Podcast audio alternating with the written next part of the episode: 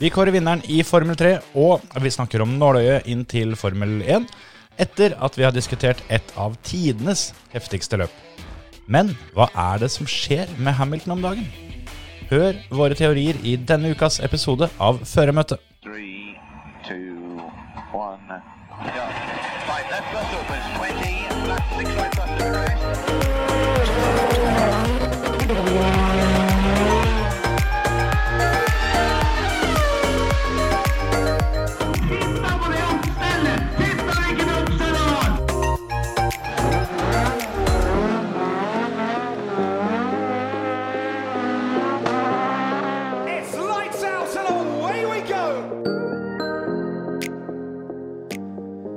lights out and away he go, var det vel kanskje nå um, om helga, Terje? Ja, det var det. Det er dummeste jeg har sett. Det var jævla rart, for å si det rett ut. Det, jeg går ut fra de fleste har fått med seg eh, litt hva som eh, skjedde på Hungaroring i helga. Og mm, Og- Og for dere som ikke har fått det med dere, så er nesten verdt å sette av på pause her, og så bare se litt høydepunkter. Ja, omtrent. Gå på YouTuben og så, og så søke opp den highlights-videoen. Ja, men Bruke fem minutter på den. mange som sitter i bil og hører på oss, vet du, som ikke har mulighet til det. Så da kan vi Ja. si hva som skjedde. Vi kan, eh, vi kan det. Vi tar en ordentlig gjennomgang av det etterpå, men kortversjon er jo det, det Altså Stikkorda inkluderer at det er én bil som står på startstreken. Ja, Resten er i depot. Ja, når starten går. Ja.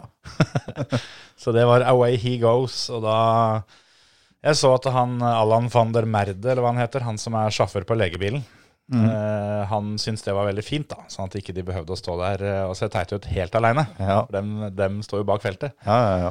Og samme også med han eh, stakkaren som går bak feltet med grønnflagget. At han hadde på en måte noen å vinke til. Han er jævla fin da på jobben. For, ja. Nei, det der var rart. Det var et av de sjukeste Formel 1-løpa i historien, tror jeg. Ja. Der, det skjedde mye. Det skjedde Altså, alt skjedde. Det er, ikke, det er ikke jækla mye som ikke skjedde, det løpet der, omtrent. Nei, det er, eh, det er litt som eh, Litt som Bahrain i fjor, Ja. når, eh, når Perez vant. Ja. At det er alt som kunne gå gærent for topptima, det gikk gærent. Ja, Det var litt sånn. Det Ja. Hadde det noen fortalt meg det at så å si alle toppførerne skulle stå igjen i sanda i, i turn one, så hadde jeg tenkt at det ble drittkjedelig løp, da. Mm. Det ble det ikke. Gjør ikke det? Men det, vi får ta oss en grundig gjennomgang av det. Men uh, før vi snakker om det, så har jeg bare lyst til å si at jeg gleder meg så jævlig. For nå, uh, når denne episoden kommer ut, er det torsdag. Ja. Da er det ikke mange timene til vi uh, eh, knytter skoa og hever oss i bilen og kjører til Juksefjellveien, eller hva som du uttaler det? Ly- Ljuksefjell. Er det ikke Luksefjell? Luksefjell. Mm. Da kjører vi til Luksefjellveien. Ja. Og der skal det kjøres billøp. Det skal det. Og det skal vi følge med på. Vi skal være bak mikrofon. Vi skal være speaker her på talentreise til eh, NMK Grenland. Det er garantert årets råeste bilcrossløp i Norge. Kanskje årets råeste løp i Norge. Ja, det tror jeg faktisk. Det er påmeldt så mye gærninger, og vi veit eh, om så mye sjuke biler som kommer og skal kjøre, at det blir så rått. Det er eh, faktisk sånn at eh, jeg skulle ønske vi var spiker hver helg, for da får vi så sjukt mye sånn inside info på biler som kommer. Ja. Så nå er det nesten sånn at jeg vurderer å ta opp et forbrukslån, sånn at jeg kan få lagt noe, litt sånn, en god dose med bud. Ja, det, det hadde Altså Åssen er det forresten? Hvis vi skal være spikere og ha ansvar for budet, altså, så legger vi bud sjøl. Er det sånn at vi trekker ut og roper hvem som vinner? Ja, nei, men det ble meg, det. Ja, det blir litt uh, sånn som sånn Schou Kristoffer Schau gjorde på Spellemannsprisen for en del år tilbake. Det er ikke så nøye hva som står på den lappen. Vi, Nei, nei, vi bare leser opp dem vi syns skal vinne. Det, nei, jeg har tenkt samme tanken sjøl, for jeg også kjenner jo det at jeg har eh, Altså, jeg kan garantere at det er mye der nede jeg har lyst på. Ja. Det som blir vanskeligst når en skal legge bud der, er jo å, å velge ut hva, hva, en, hva en må velge bort, da. Men det kan nok hende at vi skal gi noe penger til noen vi møter som vi kanskje kjenner, Ja, som kan legge bud for oss. på en eller annen måte så må vi få til det der, det der sånn. Så ja, altså Jeg har hørt om biler som kommer dit som du bare Du tror er kødd. Ja, det er, det er noen biler som en skulle tro har valgt feil helg. At de skulle vært der for to uker siden når det da var eh, NM-runde i rallycross der. Ja, det, jeg tror en del av de bilene som kommer til helga, de hadde ikke gjort seg bort. Nei, nei, nei, de hadde ikke vært sist. Nei. Jeg tror det er ganske mange finalebiler på NM rallycross som, eh, som kommer hit nå. Det, det kan se sånn ut. Nå er det meldt litt eh, dårlig vær, da, så vi får se. Da er det, fort vel fortsatt ikke den største motoren som teller, men da er det den som eh, faktisk har eh, Størst baller. størst baller og putta litt grann av de kronene i, understellet. Ja. Nei, det er eh, Jeg gleder meg altså så ekstremt. Det er noen rykter om noen Volvoer med noen dogkasser som det virkelig ljomer i, og det er ikke alle sammen Ja. med holdgiring. Det er noen som bare skal nappe til i en spak, og det er og det er, eh, det er så mye liter under, under panseret at Ja. det er ikke måte på. Det, det er ikke noe sliten toliter som, eh, som stiller To til start der nede. to Altså. liter med to enkle. Det, det er ikke sikkert det kommer noen av dem. Nei, det blir altså så rått.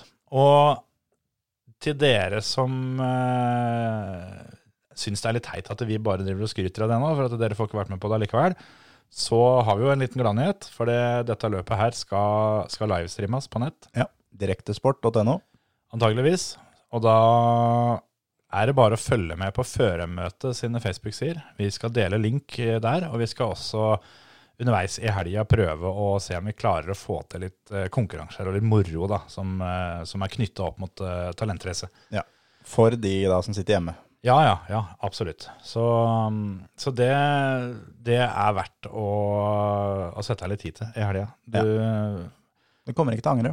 Kommer ikke til å angre. Og hvis, eh, hvis verden eh, fungerer som den skal, så får, får dere hørt på oss òg. Ja. Jeg tror planen er det at eh, det, vi, skal, vi skal være på TV-en, holdt jeg på å si. Vi skal kommentere sånn at lyden vår går rett på direktesendinga. Ja, det skal vi jo. Så det blir rått. Og det er Altså, hele løpet er bare så sjukt. Det er flere hundre tusen uh, som, uh, som føreren kan få i, uh, i sponsorkontrakter Mm. Som eh, en gjeng som kaller seg for Markedsligaen. eh, som eh, er i hvert fall i stor grad maskinentreprenører i området der nede. Yes. Dem har gått sammen og spytta litt i nevene og sopt inn litt penger som de da skal dele ut i form av sponsorkontrakter til utvalgte førere og de beste. Og det er, det er eh, den bilen med flest bud, og den, den sjukeste bilen skal kåres. Altså, det er bare Det er bilcross på steroider på mange måter. Ja, rett og slett. Eh, fordi da si, rutinerte bilcrossførerne, da, eller utøverne, som da husker superbilcrossen, og Ja. har masa om at vi må få tilbake superbilcross. Ja.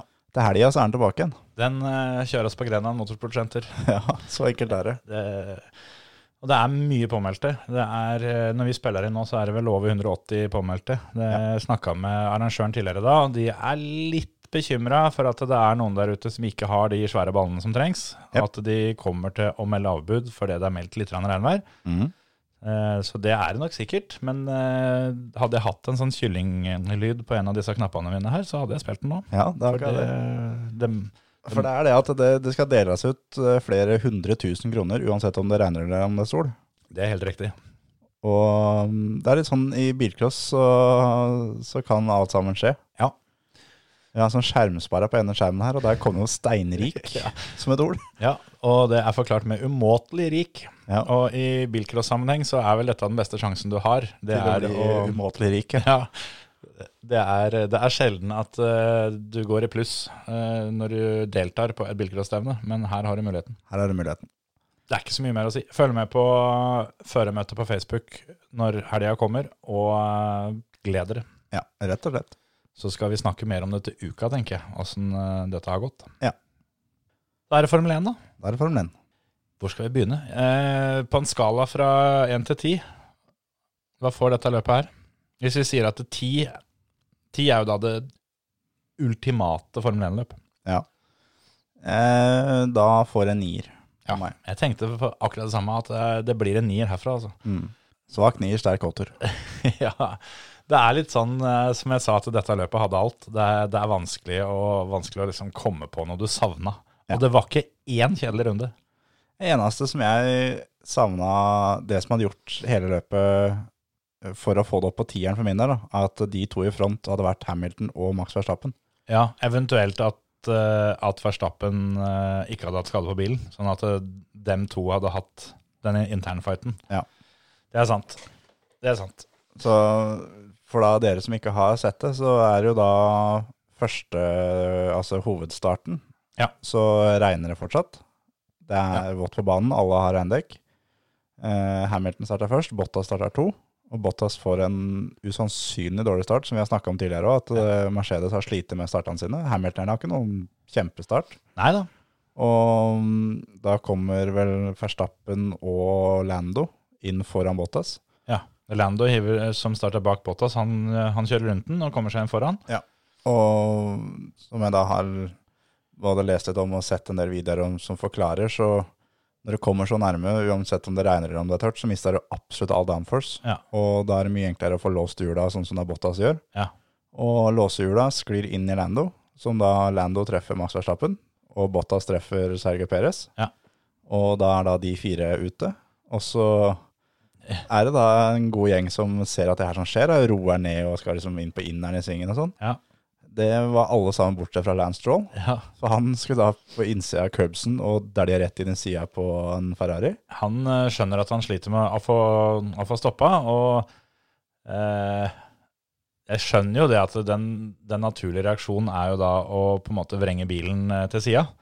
Men eh, når det du vrenger den ut på da er vått gress, Yep. så hadde det faktisk vært bedre å tatt den dytten du hadde fått ved å kjøre på han foran, enn Yes. å bare på en måte akselerere over plenen der og ta ut eh, en mann i sida. Var det, var det Ricardo han eh, Nei, han tok vel uh, Leclerc. som Leclerc var det tok, som- ja. eh, tok uh, The Honey Badger. Ja, det stemmer. Det er så sjukt, for det, han starta vel egentlig 11, Ricardo altså. Og idet han ble treffet, så er han nummer to. Ja, ikke sant? Er, eh, for Hamilton starta først, og han kommer seg unna. Ja, Han kommer seg gjennom svingen så vidt det er. det er altså Hvis han så i speilet akkurat ut av turn one der, så må han ha glidd litt. For det, det, det var så sjukt når, når du får det kameravinkelen bakover der sånn. Så kommer han rundt svingen, og så bare er det helt jævlig. Ikke alt, alt, alt stopper opp baken, så han bare reiser av gårde. Ja.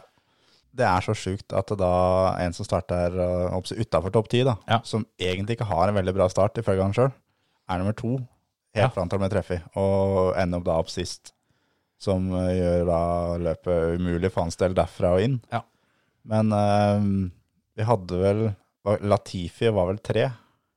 Ja, Han Det- starta enda mer sist. Det var litt sånn, fordi det var jo en del biler som kom seg forbi, og så blir det jo eh, forholdsvis kjapt eh, safety car, da, sånn at ikke de får lov å kjøre forbi hverandre mer, og så blir det vel, blir det vel rødflagga ganske fort. Ja, den kommer ganske fort, ja. Og det, det Den som var helt sist, var jo Givinazzi, for han kjørte inn på formasjonsrunden. Ja.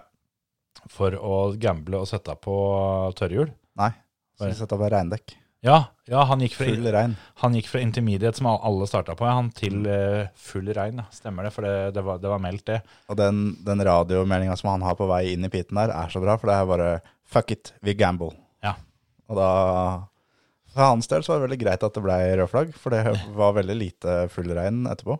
Ja, jeg, jeg, jeg tenkte ikke så mye over det, for mens løpet var stoppa, så jeg, jeg vet ikke om det kom noe særlig regn da. Det kan jo hende Nei. at det var en periode der hvor eh, For det var jo en del radiobeskjeder før, før start her, at det er forventa at regnet tar seg opp.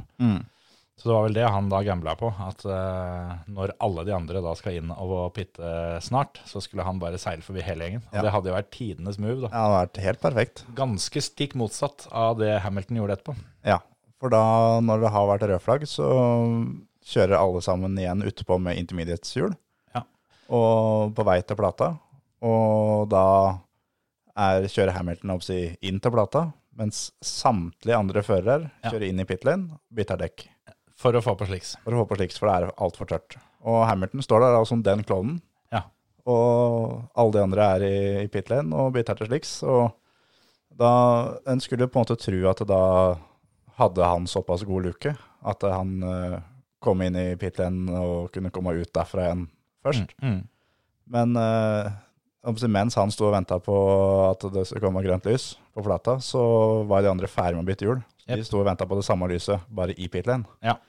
Så han hadde vel ei luke på to sekunder eller noe, han, når han gikk inn. Og kom ut dønn sist. Ja, det, det var veldig spesielt, for det, det var vel ikke mer enn 14 biler igjen, da. For det, i, underveis eh, i den rødflaggpausa så endte det med at eh, Lando Norris eh, også brøyt. Ja. Da var det jo Leclerc, Perez, Bottas og én til, tror jeg. Mm. Husker ikke helt åssen jeg var. Og, og etter hvert Lando, som endte med å ikke komme til starten igjen. Så var jo færre biler igjen. Eh, og da var Altså, det har vært mye, mye prat om akkurat hva som skjedde der, for det, det har jo på en måte ikke skjedd før. Hva om Hamilton også hadde kjørt inn, og samtlige biler hadde stått i pit når starten skulle gå? Mm. Hva hadde skjedd da? Eh, Det har jeg tenkt på, jeg òg. Jeg har ikke klart å finne noe svar på det. Eh, Nei, jeg, jeg har funnet ut hva mm, Michael Massey har sagt, Mm. han som er løpsleder. Eh, det han påstår, da, er at eh, da hadde det bare vært akkurat som det var nå, bare med én bil mindre på plata. Ja. Da hadde han eh, fyren med grønnflagget, han hadde gått av vifta, og eh, de fem, eh, fem pærene med rødt lys, dem, dem hadde kommet på alt sammen, og så hadde hadde pitlane bare åpna med en gang. Ja. Sånn, Så hadde alle kjørt det derfra. Det er jo sånn han sier at det hadde vært. da. Jeg personlig tror jo at hvis han har samtlige biler i pitten, så hadde han bare sagt OK, eh, vi kjører formation lap. Eh, kom dere der, der dere skal stå, for det er bedre TV. Ja. Og et bedre produkt for dem, da. Ja. Tror jeg, da. Men, eh, men samme det. Men så er det også det med Jeg, jeg stussa jo fælt på hvorfor alle kjørte ut på intermediates hvis det var så tørt at alle skulle bytte etter en runde. Jeg òg. Og der konkluderte i hvert fall jeg med det at det, det er sikkert fordi at det må være sånn. Mm. Men etter det jeg har klart å finne ut, så kunne de bytta. Ja. Men alle trodde det var, var såpass vått, og det var først førerne sjøl som så det på denne formation-lappen, at dette her går jo faen ikke. Mm. Så derfor kjørte han inn. Tenk deg han ene som hadde satt på sliks der, og stått sammen med Hamilton på plata. Yes. Sliks. Det er uh, en gratis seier, det. Ja, han hadde jo fått uh, Ja, jeg vet ikke, han hadde jo sikkert fått en 6-7-8 sekunder, da. Ja. Med en gang. Og det, det var det jeg stussa litt på, for det, det var derfor jeg tenkte at det betyr sikkert at de måtte starte på intermediates. Ellers så ville jo Giovinazzi, som var bakerst, som allerede hadde vist at han var, at han var villig til å gamble, da ville han satt på sliksa. Mm. Er du bakerst, så er du bakerst. Og de forventa at det skulle uh, gå mot opptørk. Mm. Så om han på en måte er bakerst og taper fem sekunder til, så er det bedre. Mm. Men uh, sånn var det ikke. Og så har Han, jo, han endte sist òg, forresten, sånn av de som kom i mål. Ja, han eh, Men han Der ga dem litt opp, tror jeg. Fordi han fikk en, eh, en tidsstraff eh, som han fikk beskjed om underveis der. Og så Var ikke det Kimi? Begge to fikk. Oh, ja. Kimmy var ikke så veldig fornøyd med den greia der. sånn. Nei. Men det var Han, han gjorde jo så at eh, Nikita Maspin måtte bryte. Ja. Eller ha, ikke han, teamet. Det var Slapp Reikon ut idet Maspin skulle inn i sin pitbox, og Ja. da krasja de sammen, og Maspin måtte bryte. Ja, da fikk Timmy, nei, Kimmy fikk eh, sekunders straff for unsafe release. Mm. Men det var ingen som fortalte Kimmy om det før han skulle inn i pit neste gang. Mm. Da fikk han beskjed om det at du eh, Vi har forresten en ti sekunders straff. og da fyra han på alle sylinderne ganske, ganske greit. For da sa han at nå har jeg kjørt rundt her og trodd at vi har en sjanse. Mm. Så har dere visst hele tida at eh, vi er sjanseløse. Fuck you. Han sa det så fint at hver gang vi har en mulighet, så klarer dere å fucke det opp. Ja. Det er jo Jeg skjønner jo hva han mener. Ja. Jeg skjønner hvor det kommer fra. for å si Ja, det sånn. ja, ja. Men det er litt sånn at uh, du sier ikke det første året ditt i Formel 1. Nei, du sier det som antakeligvis er det siste. Ja. e- Eller når du har holdt på i 20 år, så Ja. da har du litt sånn grunnlag til å si det. Du er eh, historiens mest rutinerte Formel 1-fører. Da, da forsvinner det filteret. Gjør det. Så jo, men da når, når Hamilton gikk inn, så uh, bana jo det vei for uh, Esteban Ocon, Ja. som var nummer to. Ja. Og han, når han tok over ledelsen, den holdt han derfra til mål. Ja. Ut på runde to tok han over ledelsen, og derfra til mål så, så holdt han seieren, og tok da alpin sin første seier ever. Ja. Veit du når det teamet tok sin forrige seier? Altså Alpine som før heter Renault, som før det het noe annet. Men altså det, det teamet der, da. 2015? Jeg mener det er 28. Ja, det kan stemme. Jeg vet i hvert fall at det er 38 år siden en fransk fører har vunnet med en fransk bil med en fransk motor. Det må være Prost i Ja, ja det blir i 83 eller noe sånt. da. 88. 88, ja. Men det, det, må, Nei, 83. 83. det må være Prost. Prost, ja. Ja. Med Renault i Østerrike. Er, eh, ja, der kan du se. Det, det, det sier litt, da, hvor, hvor drøyt det er. Ja. det, mm, Esteban Ocon er også nå da den uh, føreren som har leda flest runder denne sesongen etter uh, Hamilton og Verstappen. Ja, Det jo er uh, ganske sjukt når en tenker på det. det er ganske drøyt, ja. Men én ting som må snakkes litt om, er den avgjørelsen som gjør at Hamilton er eneste bilen som ikke bytter. Ja. For der er det mye Altså, der er det noe som går gærent. Og Hamilton skylder litt på teamet, og teamet eh, Teamet sier at det, det var riktig avgjørelse å bli ute, og det er, det er veldig mye rart og forskjellige forklaringer og det ene og det andre der. Jeg mener at det er jo Jeg mener at det er en feil avgjørelse uansett.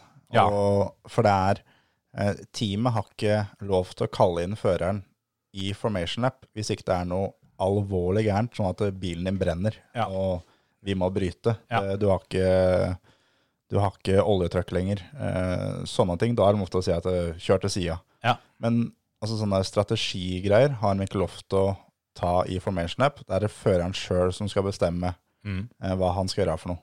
Og Hamilton sitter og venter på teamet, og de skal kalle han inn. Ja. De har ikke lov til å kalle han inn. Nei, og det burde han vite. Han Ja. har jo kjørt noen løp. Men, men Hamilton har vist det der gang på gang på gang før, at han er ganske ræva på regler. Ja, det så vi med disse prøvestartene han tok og alt det her sånn. Ja. For det, jeg tenker litt da at det tyder jo også litt grann på at uh, han og teamet har avtalt noe form for noe kodebeskjed her, kanskje. Ja. Det ville jo ikke vært helt unaturlig. De, de har jo koder for alt mulig annet. De har, de har i eh, hvert fall koder herfra og ut på å komme inn i formation app. Det har de. Det, ja, det er helt garantert. For det, det er jo ikke verre enn at øh, hvis han øh, Hvis, øh, hvis Bono sier pineapple juice, så vet han at da skal han inn i pitten.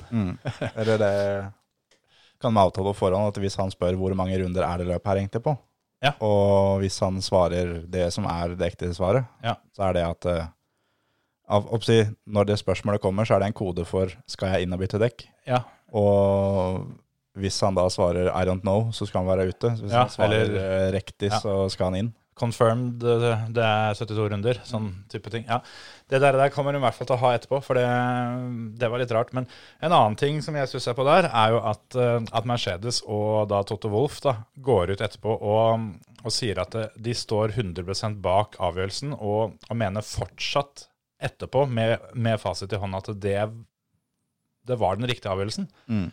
Jeg, For det var det jo ikke. Nei, jeg klarer ikke å skjønne det heller, for det, de mener det at han kommer til å tape så mange plasser i pit lane. Ja, og det har de også gjentatt etterpå, dagen etter løpet, at uh, pga. at Mercedes har den første pitboxen, så, så vil de tape Jeg har hørt dem ha sagt at de ville kommet ut rundt, rundt sjetteplass, og, og en annen som sa rundt åttende-niende. Det, det er jo fortsatt uh, halve feltet foran der de faktisk kom ut, men jeg mener det, det kan hende det er feil. Jeg har ikke lest noen regler eller noen ting. Det er kun oppsi eh, personlig mening. Det er at eh, de plassene han taper der sånn, burde han egentlig få tilbake igjen, for det er før løpet har begynt. Han blir på en måte forbikjørt før løpet har starta. Ja, det er helt riktig, det. Og det er eh, det hadde vært noe helt annet hvis det hadde vært i det må, Starten hadde gått, så hadde de gått inn. Ja, Taper han plasser da, så taper han plasser. det er sant. Men, men eh, det å tape plasser før, før liksom løpet er i gang, Ja. det, det tror jeg han skulle ha fått tilbake igjen. Det er helt riktig òg. Han, eh, han skulle kjørt ut den pitten som nummer én. Mm. Eh, og For, for George Russell, han dro en eh, jævla frekkis og kjørte forbi eh, en hel haug i pit lane. Ja, for han hadde den siste pitboxen. Ja. Sånn at når han fikk på dekka, så gikk jo starten omtrent da. Så han feis jo bare på sida av dem. Og Og ut som nummer to. ja, det, er, det, det syns på den highlights-videoen. Så hvis du ser der når starten går, så kjører Hamilton, og så, og så flytter de kameraet til pit lane. Og der, der står jo toget, men så kommer det plutselig en bil eh, fra andre par utvendig der sånn. Det er George Russell som kommer rett fra pitboxen, som ikke kjører ut til den der fast lane. Ut i køen, ja. Ja, han bare dunker forbi hele gjengen. ja. Og, Så- og han, han ender jo med, i og med at han da kjører forbi på en måte før starten har gått, Ja. så ender han opp med at han må gi fra seg plasseringene Ja. ned til der han var når han kjørte inn i pit lane. Ja. Han skal være rimelig fornøyd med at han slapp med det, Ja. syns jeg. Det, hvis, jeg er ganske sikker på hadde det vært Nikita Maspin, Ja. rett ut. ja, det kan godt hende.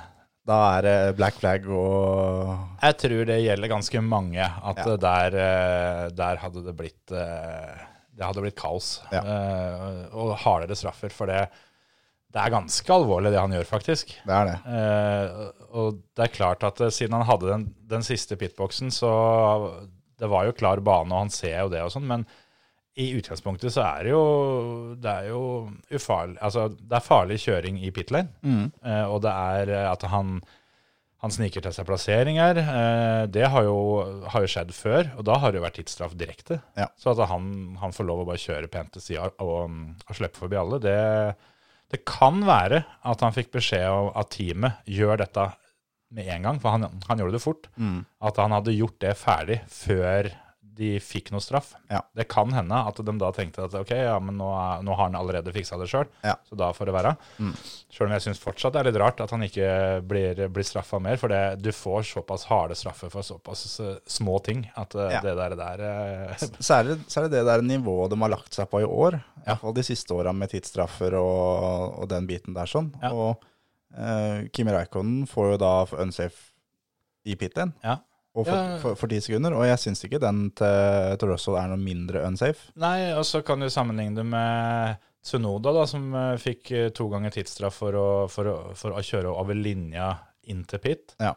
Det er jo et par linjer som blir plassert litt gærent her òg. Det er akkurat det. Så, så ja, nei, jeg syns George Russell er kanskje helgas helligste mann, Ja. sånn sett. Og det Jeg må jo også bare si til, uh, til alle som mener at uh, Louis Hamilton har så ekstremt med flaks mm. hele tida. uh, nå i helga så Greit, han, til noe går hans vei, for all del. Ja. Men eh, 90% av den helga, eller det, det løpet her sånn, det er uflaks. Og, og det å klare å jobbe seg opp til pallen fra å være bakerst, greit å ha den raskeste bilen, men det er på banen som er berykta for å være eh, så godt som umulig å kjøre forbi. Ja, jo, ja, for jeg, jeg, jeg har tenkt litt motsatt. Altså, jeg, jeg eh, er vel av den oppfatning at jeg syns Hamilton har hatt en del eh, Altså, det blir feil å si flaks, for det Han, Det- mer stang inn. Ja, altså, han, ting har flytet for Hamilton, da. Eh, og det har egentlig vært ganske mange ganger denne, denne sesongen. Og jeg syns egentlig Min tanke er at den, den helga her sånn, så, så har han flaks Altså, det som går gærent for han, er jo kun hans egen feil. Mm. Men så har han flaks når han først, først driter seg ut. da. Mm. Så har han flaks med at det bare er 14 biler på banen, f.eks. Ja. Eh, en del sånne faktorer, at det er et par biler med skade og eh, litt sånne ting. Men så er det jo absolutt dyktighet og, fra både han og teamet Ja. som gjør at han kommer seg dit han kommer. Ja.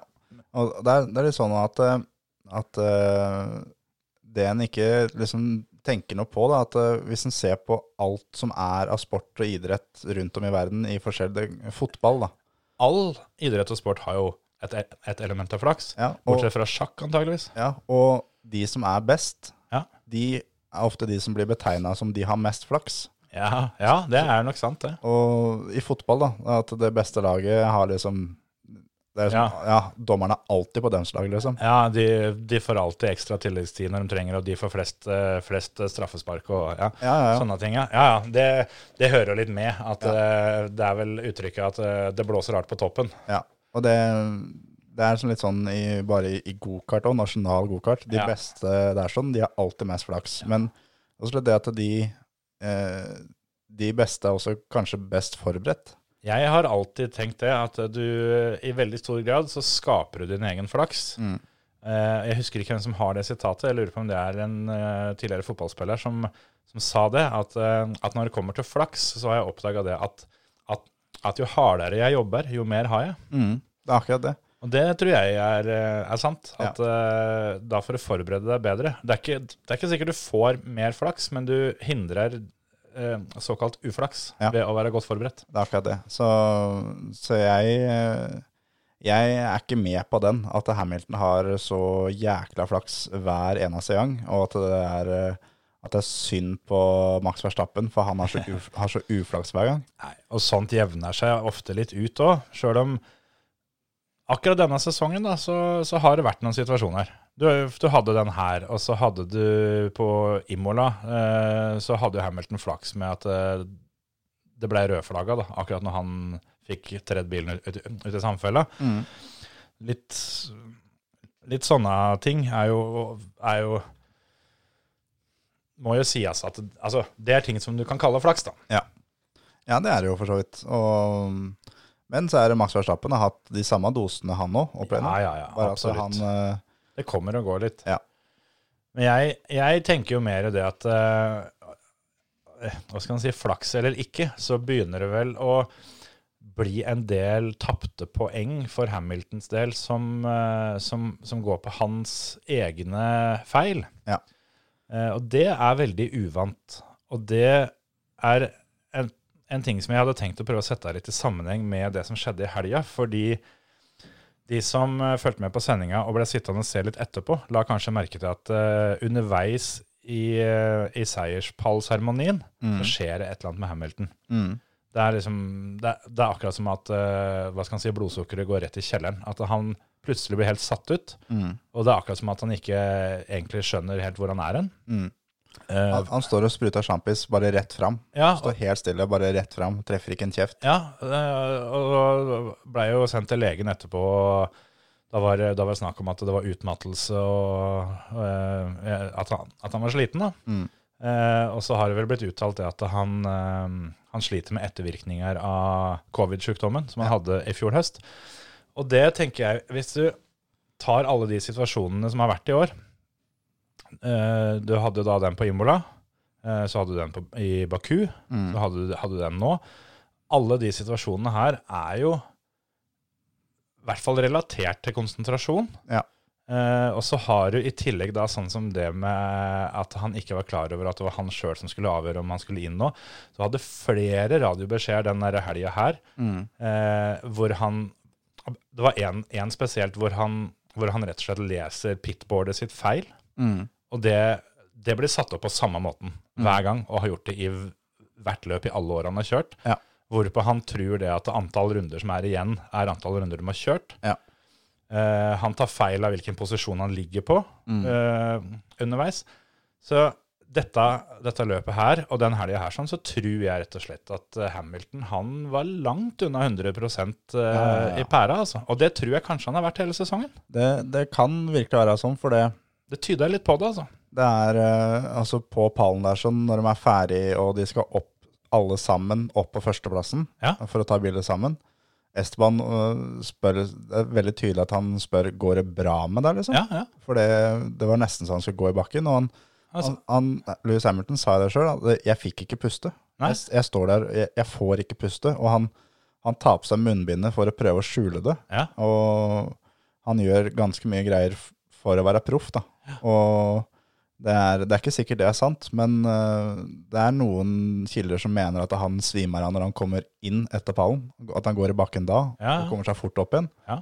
Men øh, det der Jeg husker det var litt sånn småekkelt å se på den pallen. Det var det. Og det var først da en stund etterpå at jeg begynte på en måte å, å koble, koble de forskjellige situasjonene da, med at han hadde så mange situasjoner av radiobeskjeder i løpet av helga som jeg tenkte først at han rett og slett var ukonsentrert fordi at eh, han bare kom helt ut av bobla fordi han trodde at- at hele løpet var, var fucked. Mm. Så at eh, OK, men vi kjører til mål, og så Men, men det, det har han jo bevis for, at der er det er når sånt skjer, som han virkelig Ja. skrur på, liksom. Ja, så, så, så det var så rart. Så det, da når alle de situasjonene der var, så Og så begynte jeg etter hvert å, å tenke da tilbake tidligere, tidligere i sesongen, at det har vært en del situasjoner som har vært så veldig ulikt Hamilton, for han, han gjør jo ikke sånne feil. Nei.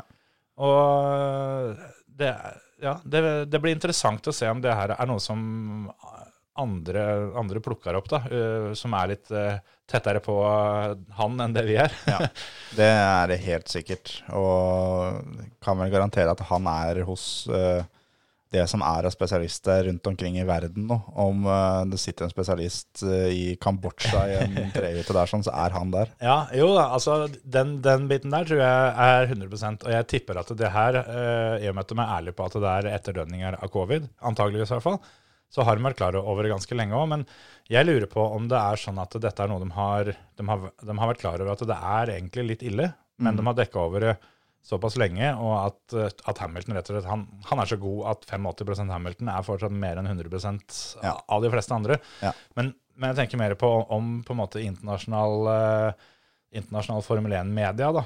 eh, som er tett på paddocken og tett på kilder og sånne ting, om, eh, om dette er noe som kan plukkes opp og graves litt i. For det, det er egentlig litt interessant. Ja, det er det, altså. Og det er eh, Det kan jo på en måte, som du sier, at det forklarer jo en god del ting. Og Ja. både det med eh, ting han har gjort, men også litt tempo, som har blitt gradvis bedre og bedre og bedre og bedre og bedre også. Det Ja. kan være bilen, for all del. Ja, altså, det har gått litt opp og ned, tenker jeg da. Ja. Og, og, og, Og- en, og enkelte løp. For det, det begynte jo veldig bra. Mm. Eh, og så kom det en god del løp hvor, hvor det var helt snudd. Hvor, eh, sånn som det var på Paul Ricard, hvor vi var veldig overraska over at han ikke beit fra seg litt mer. da. At Ja. han på en måte ikke prøvde hardere. Mm. Og det kan jo ha vært en sånn da, hvor han rett og slett bare var tom. Ja. Hvem veit? Er akkurat det. Og, og den banen de kjørte nå i helga, er jo da Det er ingen pauser. Det er eh, flat out hele veien. Og Og han fikk jo i tillegg beskjed om det nå, at every lap is hammer time. ja, det er akkurat det. Og det, når det er hammer time, da, da er det hammer time. Ja, altså. Da kjører kvaltempo. Ja. Og det også må sånn over på noe helt annet. eh, At eh, det løpet her nå Vi snakka jo om når vi hadde sprintkvalifisering, ja. hvor rått det var. For da var det full pupp fra start til mål. Ja. Det var det nå òg. Ja, vi For, fikk jo for alle biler i feltet. Det var Altså, de kjørte så hardt hele gjengen at de kunne ikke spare bensin. Nei.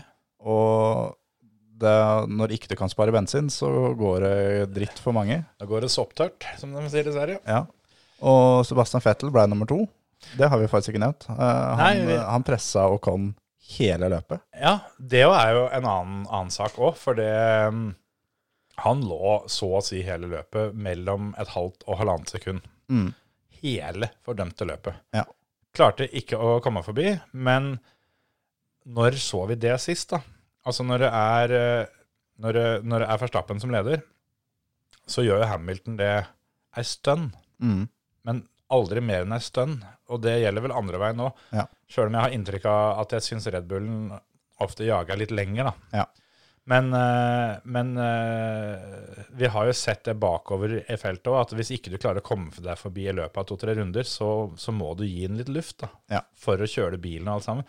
Men spesielt topptima, men, og spesielt Mercedes, for at dem er jo vant til å kjøre foran. Ja. Mens eh, bilen til Fettel den er jo, er jo bygd for å, å kjøre i felt, så han tåler tydeligvis det.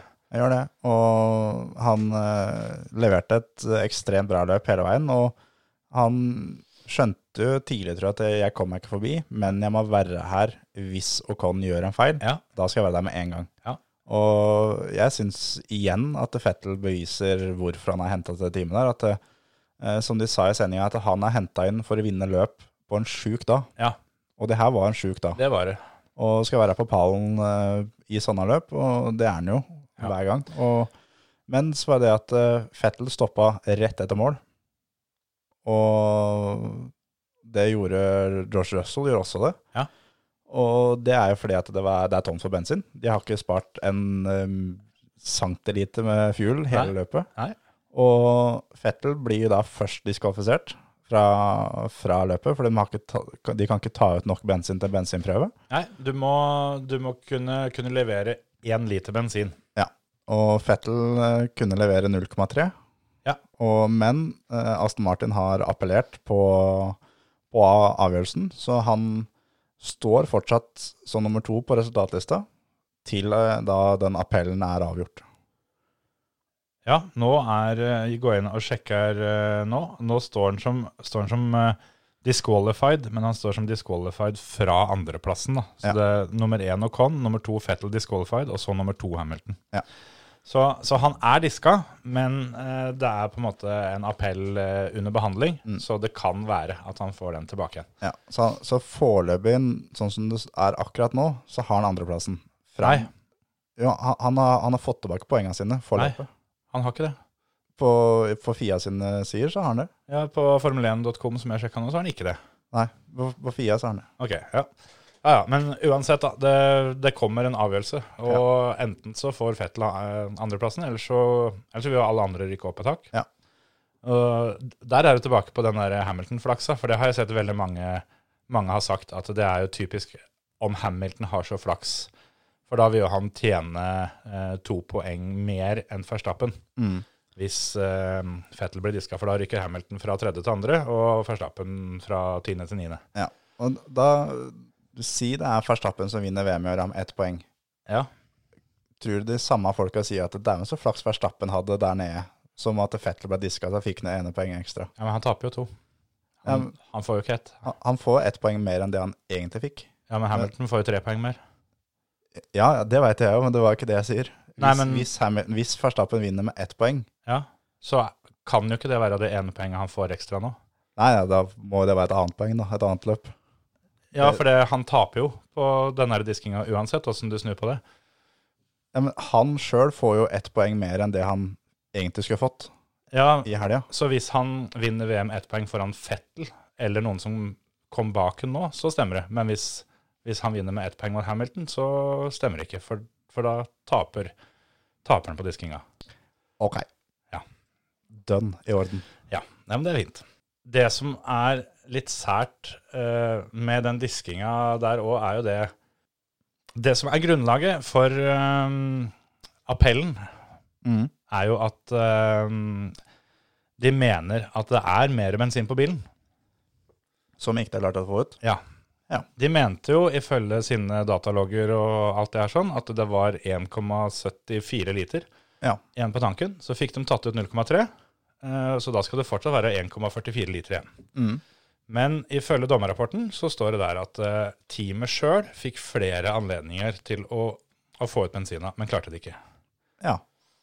Så sånn jeg tolker det, så tøff løkk. Det blir, det blir disk. ja. Det høres jo litt sånn ut. Men det typiske nå er jo at innen episoden kommer ut, så, Så har nyheten kommet, ja. så har nyheten kommet, og Fettel er sikkert uh, nummer to. Ja. Men uh, ja. Men vi må jo snakke om Ocon, som vinner dette her. Ja. Var ikke så verst kjørt av han heller. Veldig, veldig, veldig bra kjørt. Men hvis han skal dele ut én, én blomsterkvast Så er det til Niklas Latifi.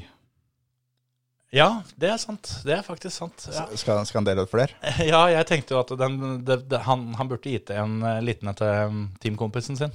Ja, han kan jo få en liten han òg. Men det er faktisk sant at eh, Latifi er nok kanskje en større årsak til at han vinner. Ja. Det tror jeg nok, sjøl om det, Det- det skjedde tidligere i løpet, så det var, var ikke så lett å tenke på at det var en direkte årsak.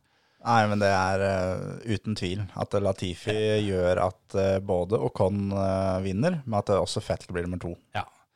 For det, etter denne, denne restarten, når Hamilton da må gå inn og bytte til, bytte til tørrhjul, sånn som alle de andre da har gjort, så er det Ocon nummer én, Fettel nummer to og Latifi nummer tre.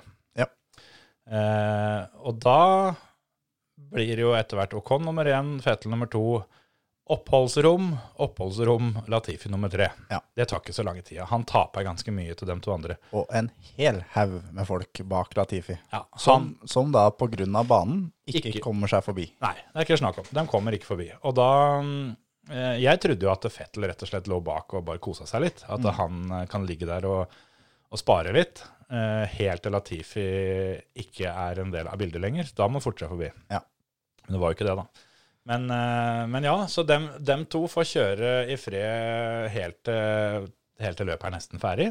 Ja. Da begynner Science å, å ta inn litt, og Hamilton eh, kommer og melder seg på, han òg. For det Hamilton gjør et ekstra pitstop, som det er vel ingen andre som gjør, tror jeg. Nei. Men eh, den som sier fra om at han kommer til å gjøre det, det er Science. At eh, følg med på Hamilton. Han gjorde det her i fjor. Ja. Det var når han tok igjen Science første gangen. At eh, følg med på han. Han kommer til å gå inn. Vi burde gå inn før han nå. Ja. Og det gjorde de ikke, da. Men uh, Hamilton går inn og setter på et sett med kliss nye mediums. Yes. Og starta jakta, og da gikk det vel eh, mellom tre og fire sekunder fortere enn alle andre hver runde. Ja. Det, det var ganske sjukt. Han eh, kom ut da nesten åtte sekunder bak Science.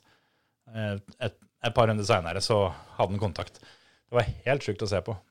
Men han ene analyseduden til eh, F1 TV, han også meldte dette her sånn, for han, eh, han sitter og hører på timeradio her.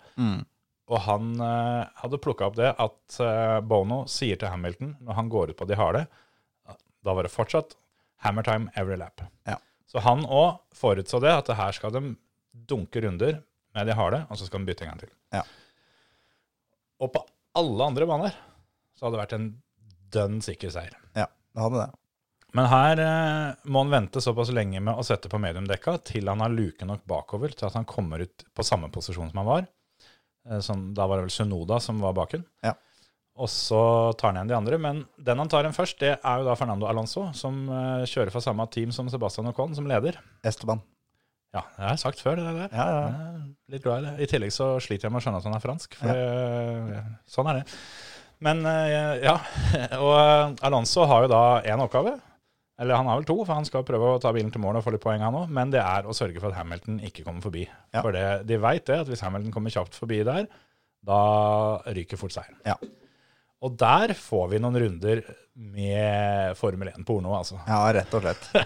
Der er det altså da den tidligere mesteren, Ja. den mesteren som mener han er best. Han har uttalt det flere ganger at det, det er jeg som er den beste. Du sa det veldig fint til meg at uh, Fernando Alonso han er Formel 1s uh, utgave av Zlatan. Ja, rett og slett. Han er Zlatan Imreimovic i kjøredress. Ja, og det syns jeg var fryktelig godt sagt. Veldig treffende. Ja, og han eh, er jo rett og slett Han har jo sagt det flere at glem Schumacher.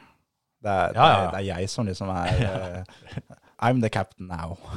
Han er den eneste som, eh, som har hatt en, uh, en superhelttegneserie med seg sjøl som hovedperson. Da. Ja. Så Han er eh, en rå type. Og jeg husker det før sesongen, så lanserte jo Så sa Emil at eh, vi må følge med på han, for han eh, eh, Gi han en bra nok bil, så skal han være med og fighte litt. Og det er han jo. Og ja, ja. han eh, rett og slett, når oppgaven hans er å holde Hamilton bak seg Ja. Han klarer det så lenge, og de kjører med så mye liksom, De tar hensyn til hverandre, begge to. Ja. Hamilton vi forbi, og Alonso vi holder bak seg. Men det er ikke noen sånne ufine greier. Det er ikke noen sånn jeg- Jeg kan nesten garantere at hadde det vært eh, Max Verstappen i Louis Hamilton sine sko, Ja, ja. så tror jeg faktisk det hadde vært øh, ganske heftig kontakt mye, øh, altså tidlig. Det hadde i hvert fall kommet en eller annen form for avgjørelse, enten i form av kontakt eller, eller forbikjøring, vesentlig tidligere. Det, det tror jeg òg. Jeg, eh, apropos Verstappen der òg, så var det en radiobeskjed fra Hamilton som jeg syns var ganske artig, når eh, han prøver å komme forbi, hvorpå, hvorpå Alonso sperrer den. Hvorpå Hamilton sier da at eh, det der, der er jo livsfarlig i disse hastighetene. Så jeg tenkte at ja, ja, det er jo, det er jo en uke siden eller to siden du hadde den etter hvert forholdsvis berømte eh, situasjonen i Cops Corner, som kanskje er den kjappeste på hele sesongen. Ja, det er det. Men, eh, men ja, det, det kan òg være at han sa det litt for å trekke folk i beina. Det, det er ikke sikkert at det var dønn ærlig. Nei, og så er det litt det jo at eh, kan han sier det for å få si, alle øyner retta mot den fighten der, Ja. eh, hvis det skjer noe mer nå uh, framover. For da, Ja. da begynte Alonso litt å strekke litt på beina og begynte å ta noen taktikker der som ikke var eh, helt etter boka. Det er fortsatt lovlig, for all del. Ja, ja, men eh, det var, det var hard kjøring. Ja, han- Eller hard forsvaring, da. Ja, han begynte å strekke strikken litt langt, og da men, men så er det etter løpet, da. Så sier jo Alonso, som da Alonso er, at eh, ja, han syntes det var kult. Han. Det var gøy for, eh, for Hamilton at han kunne få lov å ligge bak og se åssen det egentlig skulle kjøre den banen her. Ja, Og, se, og lære, lære litt linjer og Ja. Han påstår jo rett og slett det at eh, hadde det ikke vært for eh, han, så hadde ikke Hamilton kommet så fort forbi Sainz. Ja. For han hadde jo han hadde kjørt og kjørt alerten linjer og sporvalg i flere runder. Sånn at, mm. og, og, og det at Hamilton kom forbi Sainz fort, var et bevis på det, mente han. da. Ja. For det hadde jo aldri skjedd så fort hvis ikke det hadde vært for at han kunne bruke det han akkurat hadde lært av Alonso. Ja. Det er herlig å bare få sagt det. Ja, ja, ja. Men, men jeg tenker litt tilbake til Red Bull Ring, når Sainz skal unlappe seg sjøl mot Hamilton, og eh, får egentlig ikke til, før Hamilton slipper han forbi. Ja. Og da sier Sainz at eh, 'jeg skylder Louis en'. Sier han ganske tydelig da. Og Ja. det at eh, jeg tror Sainz skjønner det at eh, fighten min nå, den er ikke mot Hamilton, den er mot Alonso som er rett bak der igjen. Ja. Eh, jeg har mer dekk igjen til å forsvare meg mot Alonso hvis Hamilton kommer forholdsvis lett forbi. Ikke det at eh, han, slipper, han bremser ikke og slipper han forbi, Nei da, nei da. men han, han tar ikke en Alonso mot Hamilton. da. Nei, eh, den, den der har jeg ikke tenkt på litt. Jeg, jeg er litt grann usikker på om jeg kjøper den, i og med at det er snakk om en pallplass. Men, eh, men ja, det er en interessant teori i hvert fall. Det, det, ja, det kan godt være det. Det skal ikke utelukkes. Det er jo en del litt sånn der kameraderiet kameraderi internt og litt sånn eh, takk for sist-opplegg, så Ja. jeg tror også at Alonso klarte å holde Hamilton bak seg en ekstra runde fordi det var Hamilton, hvis det på en måte hadde vært eh, Charles Leclerc.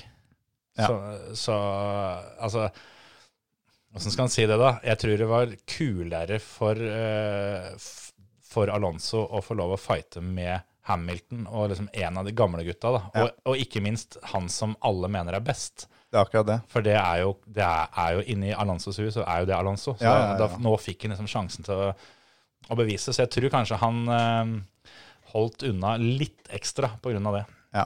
Altså er, eh, Alonso sa jo også da i intervjuet sitt etterpå at, eh, at uh, de sa det, det var en heftig fight og du hadde nok å gjøre. Og nei, så på storskjermen og vi, vi var mye på TV. Det er kult det da. og det er så herlig arrogant at det er eh, jeg, jeg elsker sånne folk. Det er samme som at eh, Zlatan Ibrahimovic er en av de råeste, han òg. Ja, altså det, det er veldig få personer i denne verden som på en måte slipper unna med å være så arrogante. Mm. Du, har, du har de to, og så hadde du Petter Northug når han var på topp og sånn. Altså det, det er bare enkelte, noen ytterst, ytterst få, Det som kommer unna med det der sånn. Det er akkurat det. Og hadde f.eks.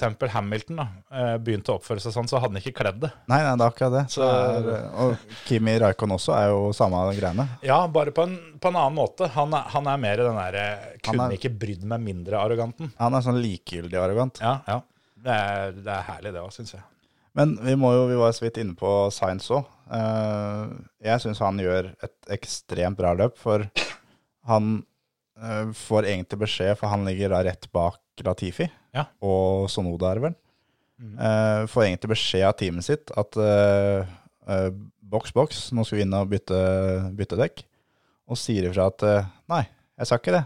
Jeg har eh, lett halvannet sekund på runden når de to foran her går inn. Ja. Vi venter til de to går inn, så kliner jeg til, så går jeg inn sjøl. Yes.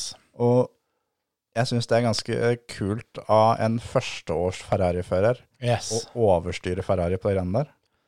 Jeg er helt enig. Jeg syns eh, det der var eh, veldig rått å se. Og det er veldig sjelden du ser det. Det er nesten bare Hamilton Ja. som eh, overstyrer teamet sitt og får lov til det. Ja. De fleste får, får beskjed om at ja, vi hører hva du sier, dette snakka vi om etter løpet, nå skal du boks.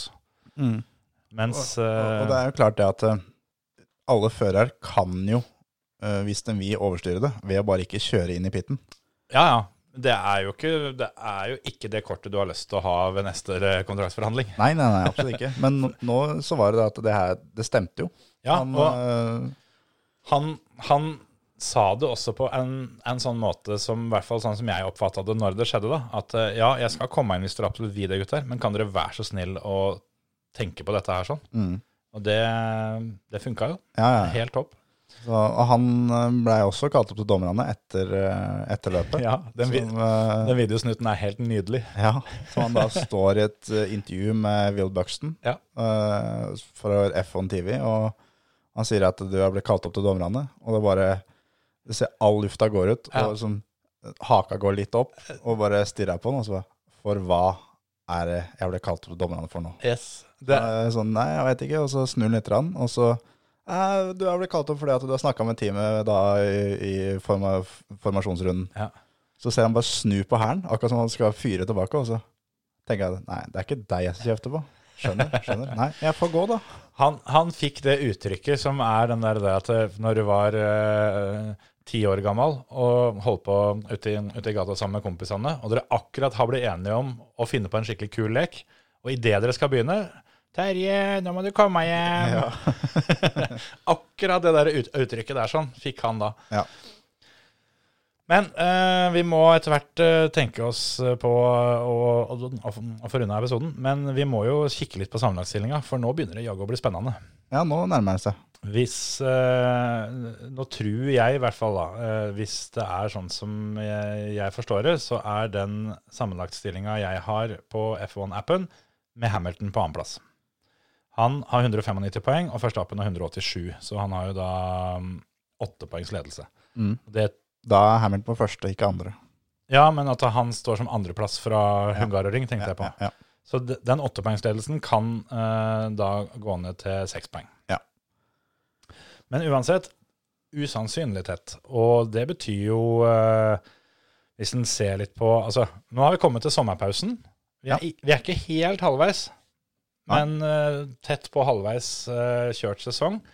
Og for bare noen få uker siden uh, så så jeg på Coolbet at oddsen på um, hvem som skulle bli verdensmester, var overlegent Max Verstappen. Han sto til 1,30 eller 1,40. Mm. Det mener jo jeg var helt rabiat lite, for å si det rett ut. Det var, det, det, det var helt tullete. Ja. Men eh, nå har det snudd. Nå er det Hamilton som er favoritt til å bli verdensmester igjen, Jeg ifølge oddsen på Kulbeth. Og um, jeg veit liksom ikke helt, jeg. Jeg mener det er altfor tidlig å, å nappe ut en, eh, en eh, i, av de to, rett og slett. Da. Det er, det er altfor, altfor, altfor tett, og det er altfor mye igjen. Og det er altfor mye som kan skje. Og det er eh, Nå er det på en måte Max som er i angrepsposisjon igjen, Ja, det er jo det. og må faktisk eh, jobbe og fighte litt der. Og så er det også en ekstrem fight om eh, bronsemedaljen totalt. Ja, det er det. Som jeg tror at den fighten mellom da Landon Norris, Walter Bottas og Sergio Perez, den kommer også til å påvirke de to gutta i front. I front, ja. ja. For uh, der skiller nå da ni poeng fra Lando på tredje til Perez på femte. Ja, med Bottas i midten. Ja. Men sånn apropos den der poengstringa der. Ricardo er på niendeplass med 50 poeng. Lando Norris i samme bil er på tredje med 113 poeng. Ja. Det, det har vi faktisk ikke nevnt helt ennå, hvor usannsynlig ræva sesong Ricardo har hatt så langt. Ja, det har vært eh, stusslig, og vi trodde vel eh, på et punkt inni, inni der at eh, nå kommer det seg. For han hadde vel et, eh, et bra løp. Fikk en sjetteplass her for ikke så lenge siden og litt sånne ting. Men det stemmer bare ikke helt for han. Nei, det gjør ikke det, altså. Og nå i tillegg, da, hvor du har et løp hvor, eh, med unntak av Hamilton, så er jo alle førerne som vanligvis er foran han, de er ute. Ja. Han ender allikevel opp med hva han endte på. Han fikk ikke poeng, gjorde han det? Nei, gjør ikke det. Men det skal nevnes at han blei snurra i første svingen og kommer ut bakerst uh, ut av første svingen, altså i første Ja. starten, så han er sist inn i pit endte bytte byttehjul, osv., osv. Så, videre. så han Men han, han ble fortsatt forbikjørt av Verstappen, som, eh, som uh, kjører med en halv bil. Ja. For uh, det nevnte vi ikke. Det, det kunne kanskje høres ut på det vi sa tidligere, at, eh, at Verstappen ble stående i den første svingen. Det gjør han jo ikke. Men hele gulvet på høyre side Ja. er, er vekk. Ja. Og det går ikke fort. Nei. Men uh, han klarer faktisk Han får gjennomført fire forbikjøringer, faktisk. Uh, Han lå bak Mick Schumacher i en has uh, i evigheter. Mange runder. Og da Og det sier alt om tempo. Ja, det var litt sånn som jeg skrev det vel til deg, at uh, han kommer ikke forbi, uh, men så tar han han på ytteren, i samme svingen som Dennis Hauger uh, gjorde i sitt løp. Og da, som jeg skrev, at hvis ikke du klarer å komme forbi på tempo, så må du ta det på talent. Ja, må det. Det var litt sånn. Og det var for øvrig akkurat samme måten han tok Ricardo på, tror jeg. Ja.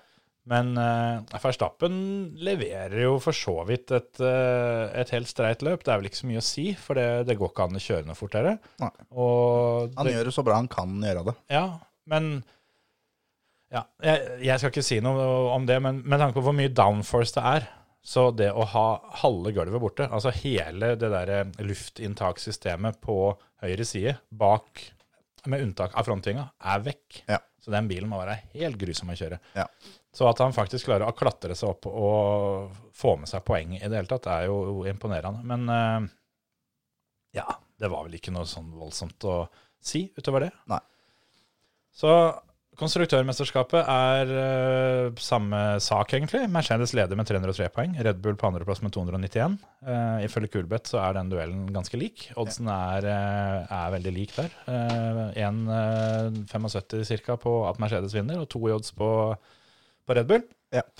Jeg tror jo at Mercedes i konstruktørmesterskapet har underprestert med tanke på at Bottas har gjort det en del dårligere enn det normalt sett skal forvente. Ja, helt enig. Så i konstruktørmesterskapet så begynner jeg kanskje å tenke at Mercedes eh, skal ha en mye større sjanse her. Og de har jo etter hvert òg fått, eh, fått litt mer teken på den bilen. Det, jeg syns i starten av sesongen så så det ut som at de hadde den ikke klart beste bilen, men de hadde best bil. Og så snudde den noen løp hvor det så ut som at Red Bull nå bare hadde kommet med noen oppgraderinger og reist unna. Ja. Før de, de siste løpene nå så har det vært fryktelig jevnt. Ja, det har det. Så, men det må også tas med der at eh, Ferrari og McLaren er delt.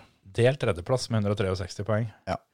Og så har jo bakover eh, Så jeg har jo kanskje hatt litt stang inn her nå, da, med tanke på tipsa våre før sesongen. For jeg hadde jo Alpine som, eh, som øverst av de tre, tre tette laga på A. Og nå med første- og femteplass, eller hva den fikk nå, så har de jo faktisk eh, inntatt den femteplassen. Ja. Rett foran Alfa Tauri og Aston Martin. Selv om Aston Martin er vel hekta lite grann, men eh, ja. Det, det løpet her, det tror jeg kanskje var det viktigste løpet for Williams. For de får både Latifi og Russell i poenga, Ja. og får med seg ti poeng totalt. Ja. Og nå har de da sju poeng foran Alfa Romeo, og jeg tror ikke at Alfa Romeo klarer å ta sju poeng her, herfra til mål. Nei. Det tror ikke jeg heller. Jeg, jeg, altså, jeg, jeg mener det er større sannsynlighet for at Williams tar, eh, tar tre poeng til, enn Ja. at eh, Alfa Romeo tar tre poeng til. Ja. Og så er også da eh, for eh, en, en påstand som er nå, er jo alle som mener at George Russell er jo den nye store. Ja. Og den råeste føreren til Williams og alt sånn. nå er jeg spent. Det er, nå er, det er svart på hvitt, det nå. Latifi er bedre. Han har flere poeng enn Russell Ja. i Williams. jeg tenkte på det der som det der altså, ja, det, Så- jeg mener det egentlig ikke. Nei, nei, altså ja, det, det er ikke så lett å høre ironi alltid, så det Nei. kan være greit å poengtere at det, ja. Men, men jeg tenkte på akkurat det samme, fordi George Russell det har jo vært så nære så mange ganger, og det har, alle har skjønt at dette her skjer. Det er ikke om det skjer, men når det skjer, at han tar sine første Williams-poeng. Ja. Nå klarer han det endelig, men så er han fortsatt bak teamkompisen sin. Yep. Og eh, det er jo faktisk, eh, faktisk så sjukt at eh, Latifi med seks poeng og George Russell med fire, som kan bli til fire og to, da. Mm. Eh, hvis Fettel eh, får beholde annenplassen. Det er jo ikke gitt at Russell klarer å ta den igjen heller. Det er akkurat det. Så det kan ende med det her nå at uh, Latifi ender uh, Si at Russell går fra Williams etter sesongen, da. Og Ja. at det da At det ender med at Latifi tok flere poeng enn det Russell gjorde i Williams' karriere til Russell. Ja, ja, absolutt. Så jeg syns det er litt gøy. Slo, uh, slo Latifi samtlige ganger på kvall, men tok, tok ikke flere poeng når det gjaldt. Nei. Akkurat det med George Russell eh, som kanskje skal videre etter sesongen, det er jo eh, et rykte som fikk eh, mer bensin på bålet den uka her. For mens denne podkasten her er på vei gjennom ledningene for å komme fram til der du sitter og hører på, så er George Russell fortsatt på Hungaroring, og der er han for å teste Mercedes Ja. med neste års dekker. Ja. Det er Det er ikke første gang han gjør, det er noe flere ganger. Ja. Men hvis ikke det er et tydelig signal uh, Ja, han gjorde det i fjor og året før, og han. Ja, ja. Det, men ja. Men det er jo litt sånn nå at uh, du, du får ikke gjort det noe tydeligere da, for, for den teorien der. Så, Ja, nei, nei. så sånn sett så er jo det spennende å se. Jeg, eh, jeg har Jo mer tid som går, så syns jeg at Williams blir bare bedre og bedre. Og det ender Jeg er faktisk snart der at jeg begynner å lure på om de kan ha en såpass bra bil for neste sesong at det kan godt hende han blir. Ja. Det, jeg har jo ment det hele veien, og jeg mener det fortsatt, at Russell går ikke til Mercedes neste år. Og eh, Williams, eh, det er, eh, altså det er et av de store teama. Da. Når, når du snakker Formel 1, så det er veldig mange Formel 1-fans der ute som eh, har blitt Formel 1-fans eh, enten i år eller i forholdsvis nyere tid pga. Drive to Survive. Mm. Og da har Williams vært sist hele tida. Ja. Det er veldig viktig å huske det, at Williams er et av de virkelig store teama. Altså. Gå inn på Netflix og søk på Williams, og se dokumentaren om Williams. Ja. For dere som ikke har gjort det, det er en usannsynlig bra dokumentar, og som virkelig da ser litt hva Williams har vært med på opp igjennom. En får jo en ny favoritt innenfor Formel 1, selv om han ikke er med der lenger, så er det Frank Williams. Ja, ja, ja. Han er Helt, helt overlegen type. Ja. Skal vi eh, Skal vi strekke litt grann på beina, og så ta kjapt eh, Formel 3, eller? Ja, det kan vi gjøre. Du hører på Førermøtet, Norges beste motorsportpodkast. For Bernt vant jo løpet i helga. Bernt var først i mål. Bernt Mylander, my man, han eh, Han øh, vant, rett og slett. Og Dennis Hauge ble da nummer to. ja, men øh, Dennis Hauge fikk poeng da, fordi Bernt vil ikke være med i den poengstillinga. Nei, det var, det var flaks for Dennis at eh, Bernt kjørte utenfor, konkurranse. Ja. Fordi han kom fankeren ikke forbi. Nei, nei, nei. Akkurat det. det er Bernt han sperra det han kunne, han. Og det er, Erfaring trumfer. igjen, så de, de beste har mest flaks. Sånn som da Dennis Hauger er best i Formel 3. Har nå flaks at Bernt Mylander ikke tar poeng det løpet der. ja. ja. Nei, eh, nok en gang da, så er det kanskje vanskelig å høre ironi. Jeg, jeg mener det. ja, sant nok. Jeg, jeg syns uh, Dennis uh, fortjente seieren sin. Han kjørte veldig bra. Uh, jeg har lyst til Fordi jeg har aldri kjørt noe særlig asfaltracing sjøl, men jeg har sett på veldig mye. Og du har jo ikke kjørt så mye formelbil, men du har jo kjørt veldig mye gokart. Ja. Og det var én ting som du var veldig mm, kjent og for så vidt berykta for da du kjørte gokart, og det var at du var fryktelig god til å kjøre på regnvær. Mm. Eh, akkurat der er det vel eh, et, et område hvor du til og med sjøl ikke er så redd for å skryte av deg sjøl. Nei, der eh, mener jeg at det var, det var ikke veldig mange som holdt følge. Nei. Og der, eh, der kunne jeg jo også bruke tyngden. Rett og slett. Ja, ja, ja, ja. ja. Men da tenkte jeg også å høre med deg om rett og slett du kan forklare litt eh, det som skjer når eh, Dennis kjører forbi Arthur Leclerc og går fra andre til førsteplass. For det, Der er da i løp tre. Ja, det er i hovedløpet. Det, det må vi ta med. For det Arthur Leclerc satt jo bilen på pole, og Dennis starta på andre. Og det var et helsikes regnvær når dette begynte. For sjølve forbikjøringa har fått en del oppmerksomhet. eh, Og eh, jeg tipper at det er et par eh, Viasat-kommentatorer som er litt hese etter, etter en glimrende kommentering med herlig engasjement der. Men kan ikke du ta oss litt gjennom hvorfor det der skjer? Ja, det er jo Det har vært flere som har eh, kommet bort til meg og sagt 'dæven, så den forbikjøringen der', den var rå. Ja, Når jeg svarer nei, syns ikke han var så kul, jeg. Da blir det helt stilt.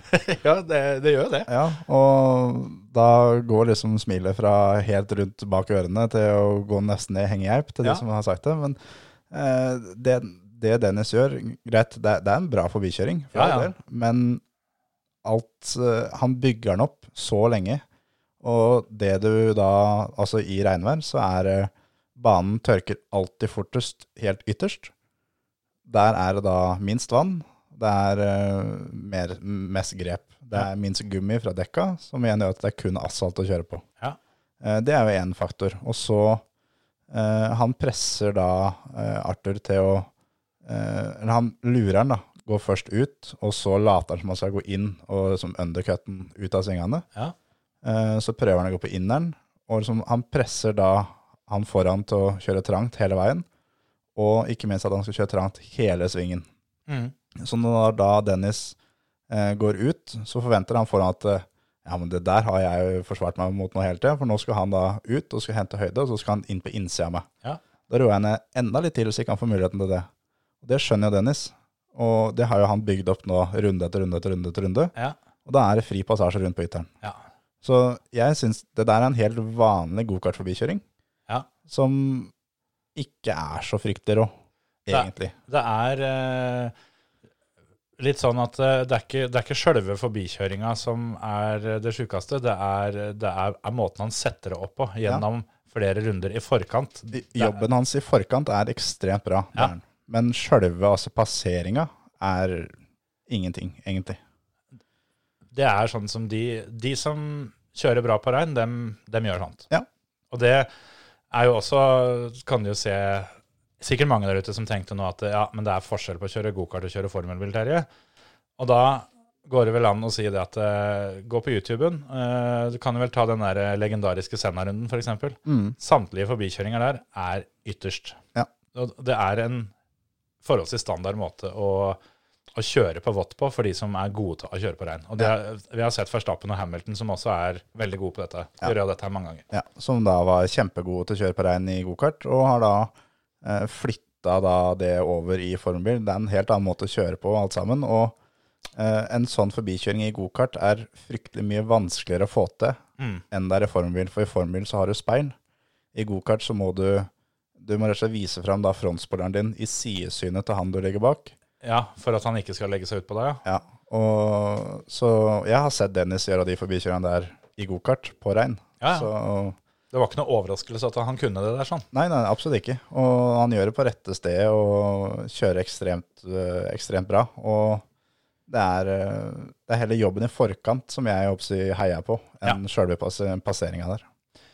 Jeg syns jo at eh, Formel 3 er, er kulest å se på når det er regn. For det, i og med at, at bilene er forholdsvis like, så du får så utrolig mye tydeligere, tydeligere skille på Kall det proffamatør, da. Hvem Ja. som kan dette og ikke. Ja, det gjør det. Og Dennis, eh, det viste han jo på samme banen i fjor. Eh, Det var jo da han fikk eh, sin første og fjorårets eneste pallplass i, i Formel 3. Det var jo også, også på regnvær på Hungaroring. Ja. Da hadde han vel kanskje litt flaks at det var ganske mange runder med sikkerhetsbil eh, når det var opptørk. For det, det, Var, var det Bernt som vant da, eller? det var det. Er, han- er tittelforsvarer, så nå er han tittelforsvarer en gang til? Ja, Bernt har back-to-back seier i Formel 3 på Hungaroring. han. Ja, ja, ja. Jeg må bare si det om Bernt, altså da sjåføren på safety car. Ja. Det er jo For dere som ikke veit det, så han er jo helten vår. Ja.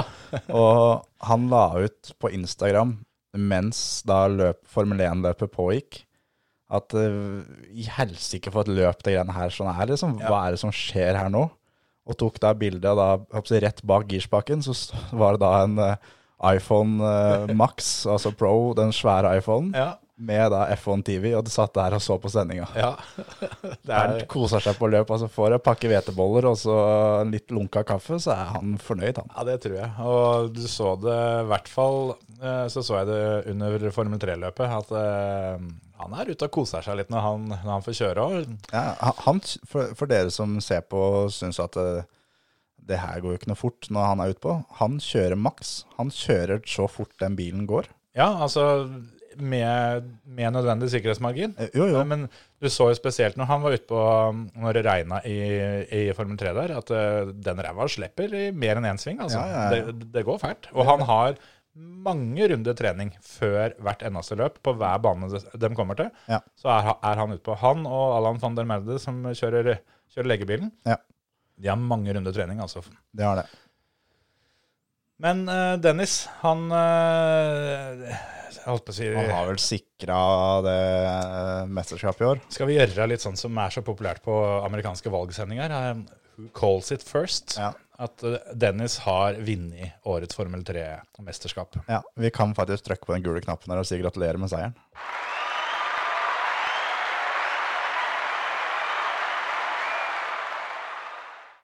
For det den, Det eneste jeg kan se som kan ta han, er jo nesten julenissen. Liksom. At han skal inn der med Rudolf, og så skal han virkelig få jobba og få endra poengsystemene og alt sammen. Sånn at det er 7000 poeng til vinneren, og så er det to til nummer to. Ja, det er han og Bernt.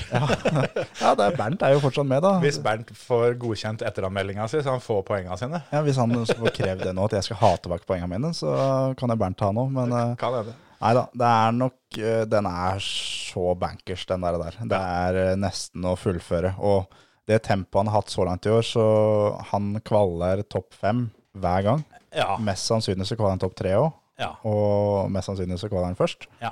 Men uh, en dårlig kvalifisering for han nå er topp fem.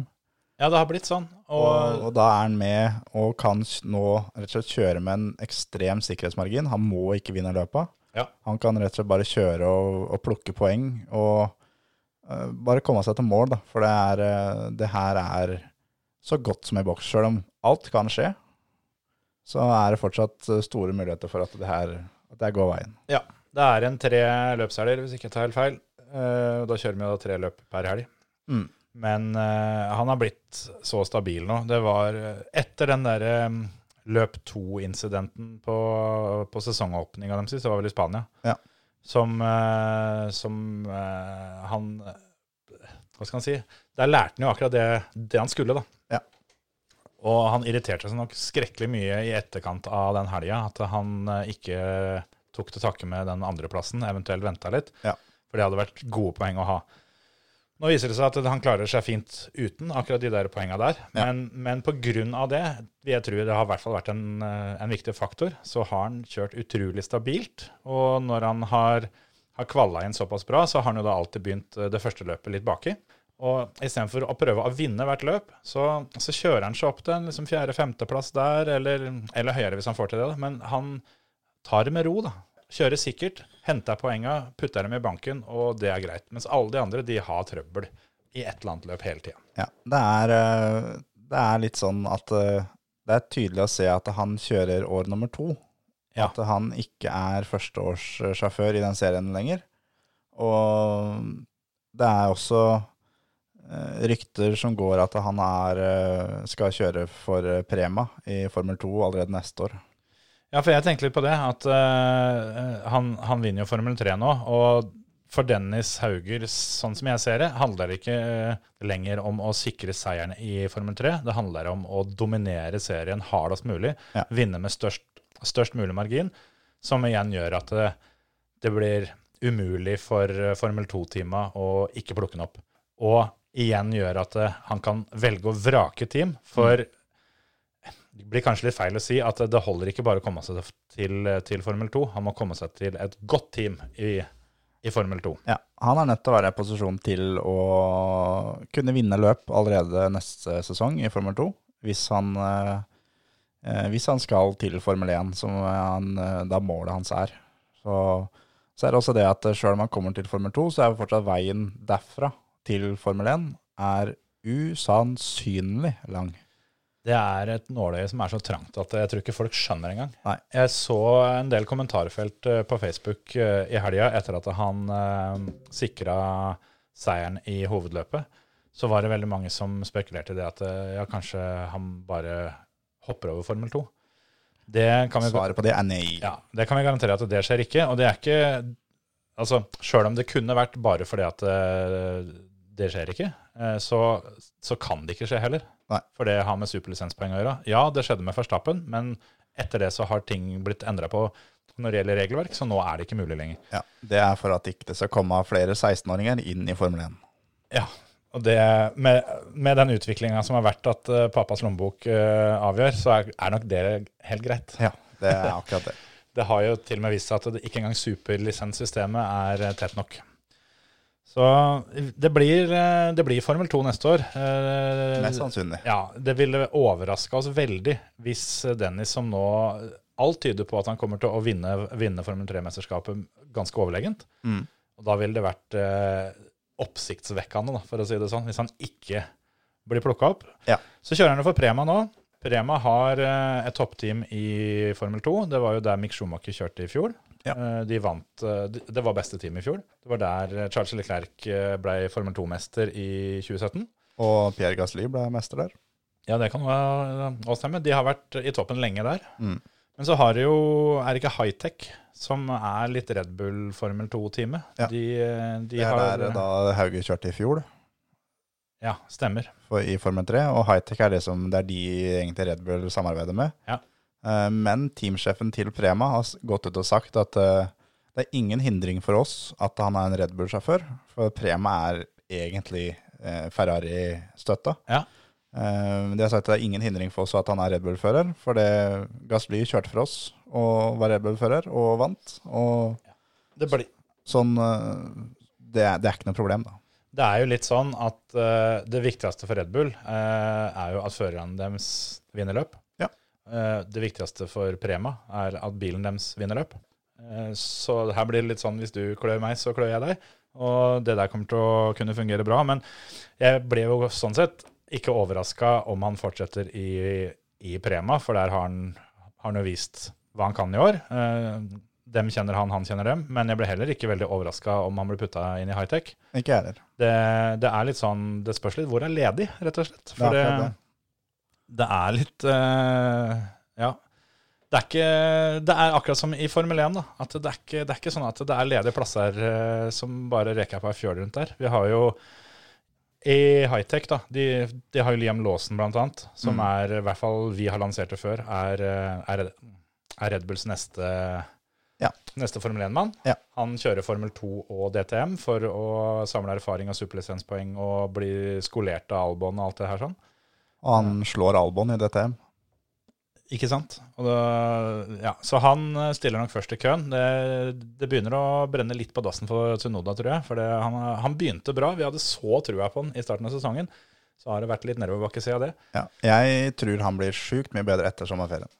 Ja, det tror jeg òg. Det, det tror jeg gjelder eh, flere.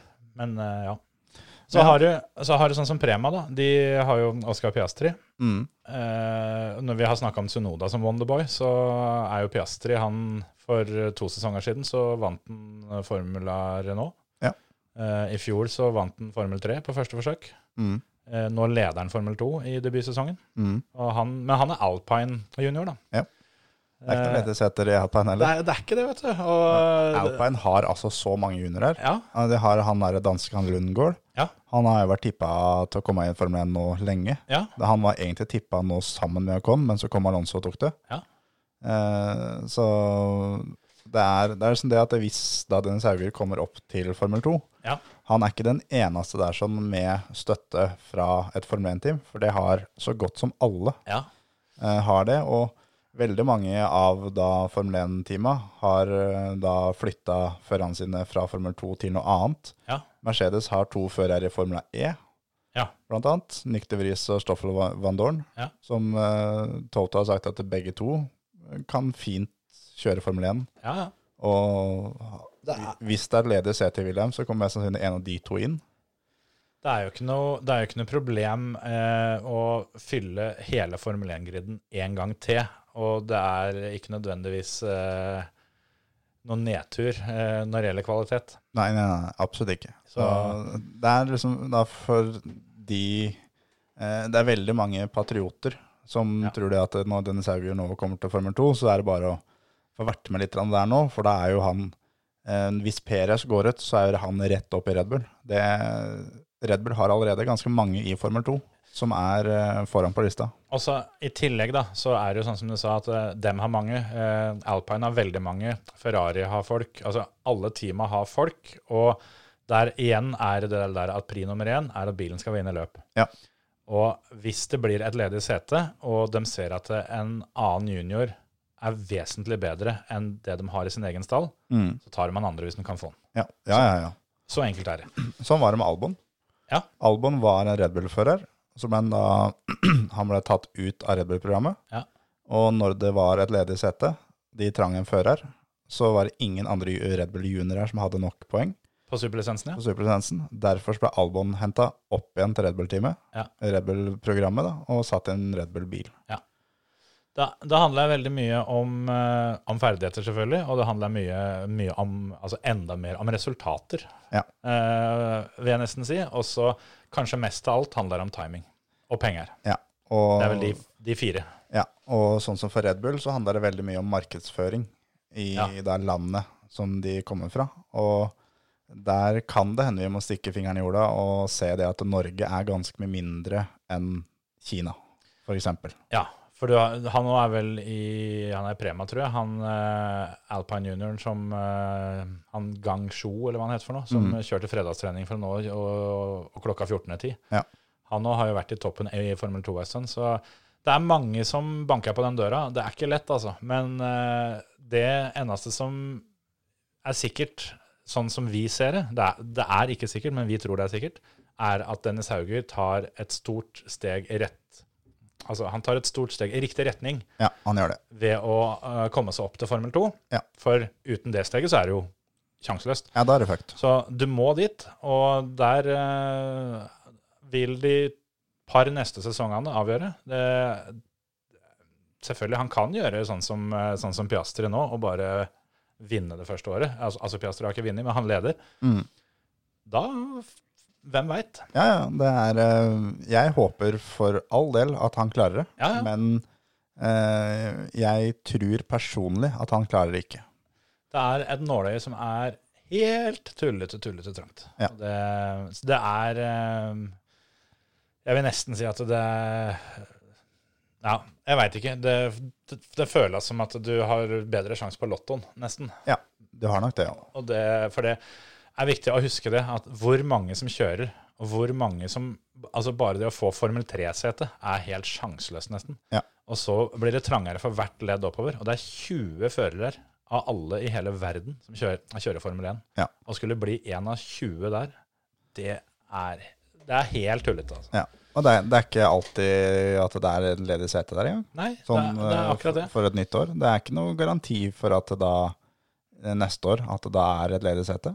Nei, og hvis en ser på den gjengen som kjører Formel 1 nå, eh, vi forventer vel kanskje at Kimi er på sin siste sesong. Eh, det er begrensa hvor lenge Alonso kjører og sånne ting. Men det er ikke så jæklig mange av de 20 som er på vei ut de neste fem åra. Det er ikke det, vet Det er veldig få. Det er en veldig ung Altså Formel 1-stallen nå, da, Ja. er veldig ung. Du, er, du har jo sånn som f.eks. Landon Norris, Charles Leclerc, George Russell, for å, å nevne tre, da. Det er, er helt sikkert flere. De er så Og dyktige Max Verstappen ja, i, i samme aldersgruppe. Faktisk. Og Con eh, kan du nesten ta med der. Det er mange som eh, tenker på det. Han, altså, når han vant i helga, det var første gangen han var først over mål i et løp siden han kjørte Formel 3. Ja. Men én ting med han som er litt underkommunisert, er at han slo jo Max Verstappen når begge kjørte Formel 3. Ja. Eh, For det er jo Verstappen som har blitt stempla som den golden boyen som kom rett fra Formel 3 til Formel 1. Ja. Men det var etter å ha blitt slått av Ocon, som da måtte gå en mye, mye lengre vei. Og når alle de her kjørte gokart sammen, så var det George Russell som tok alle sammen. Som Ja. nå sitter i den dårligste bilen. Og spesielt Formel 2, så var jo George Russell helt overlegen. Ja. Men da har du en, en fem-seks førere der sånn, som, som Det kan være det 10-15 år til. Ja, og de kom Altså med mindre det skjer et eller annet veldig rart, så du får ikke rikka på dem. Nei. Så, og det er kanskje litt uvanlig at det er såpass mange førere som etter alle solmerker skal bli i Formel 1 såpass lenge. Ja. Så det er om mulig enda vanskeligere for de som banker på døra, å komme inn. Og for det at det i tillegg også har begynt å bli mer, mer etablert å kjøpe seg Formel 1-seter. Det er akkurat det. Så ja, nei, det er, det er dessverre sånn at eh, den, den veien er, er så bratt. Men nå har vi, begynner vi å nærme oss helvan. Skal vi eh, si det at vi, vi gir oss, og så må vi bare igjen minne på at uh, vi skal være spikere på Talentrace denne helga her, sånn. Så følg med på Facebook-sidene våre. Der vil dere finne link til livesending, og vi skal prøve å lage litt eh, show i løpet av helga. Ja. Og konkurransen vi har hatt på Facebook om Talentrace med adgangsbilletter, der har vi trukket vinneren. Vi har kontakta dem. Ja. Uh, litt fordi at det, når episoden her kommer ut, så åpner det i morgen. Ja. Og det blir for dårlig tid for folk å si, kanskje gjøre om på planene sine. Så der har vinnerne blitt kontakta. Vi må bare si at det er ekstremt moro. Når vi la ut den konkurransen der sånn, så tenkte vi det at uh, dette blir jo en liten sånn fin, fin, fin liten gest av oss fra, som, som er, til de, er til de faste som alltid, alltid deltar på konkurransen. Det innlegget har blitt sett av over 12 000 mennesker. Ja. Vi har fått eh, et par hundre kommentarer, og det har vært super, superpopulært, og åpenbart at det er mange som ivrer etter å komme seg til talentrace. Siden det var så mange av dere som eh, var ivrig og mm, deltok i konkurransen, så fikk vi litt flere billetter. Men det er ikke så mange billetter å dele ut, så derfor så er, det flere som blir skuffa enn en, en de som blir glad. Jeg skulle ønske vi kunne tatt med alle, dere alle sammen. Ja, det hadde vi lett gjort. Hadde, hadde vi kunnet det. Så den dagen føremøtet tar over verden, så skal vi ha vårt eget løp. Så Oh, skal yes. få lov å komme hele gjengen. Yep. Men det er nå engang sånn at mange som deltok, de eh, har en, en liten betta reisevei for å komme seg til Grenland Motorsport Center. Så for å kunne gi folk litt varsel, sånn at de kan planlegge helga, så har vi vært nødt til å foreta trekninga og gi beskjed til vinnerne på forhånd. Vi Ja. hadde egentlig planlagt en skikkelig kul sånn live-video med tombolamaskin og hele driten, men Ja, ja, ja. eh, det får bli en annen gang. Det får bli en annen gang. Vi eh, høres til helga, folkens. Det gjør vi. Ha det! Hei.